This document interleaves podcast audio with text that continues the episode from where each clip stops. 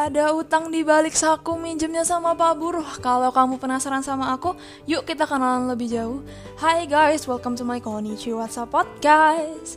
Kenalin nama aku Audrey dari Prodi Sains Aktuaria ITERA. Nah, selama beberapa menit ke depan yuk temenin aku kita bahas sedikit mengenai rencana aku ke depannya sebagai mahasiswa baru. Untuk rencana jangka pendek, aku berencana untuk punya hobi baru atau enggak setidaknya mencoba hal-hal baru nih guys. Sebagai kaum rebahan, aku pengen tetap produktif di masa pandemi.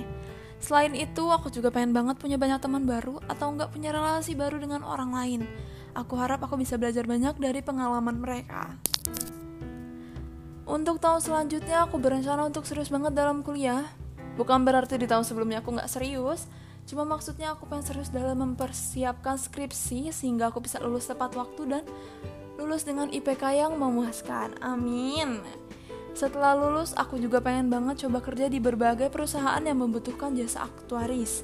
Aku harap bisa menambah pengalaman kerja dan belajar cara kerja dengan orang banyak, orang baru itu gimana sih? Gak cuma kerja di perusahaan, aku juga punya mimpi kecil untuk bangun my small business yang Nantinya aku harap bisnis ini dapat berjalan dengan baik sehingga dapat membuka lapangan kerja baru untuk orang lain. Hehehe. Aku rasa obrolan kita cukup untuk hari ini. Ya enggak, cukup kan? Ini adalah podcast pertama aku, jadi aku minta maaf kalau ada kata-kata yang kurang berkenan di hati kalian ataupun aku ngomongnya kecepatan. Olahraga pakai samsak, sorenya makan ikan hiu. Terima kasih yang udah menyimak. I love you. See you in the next podcast. Bye.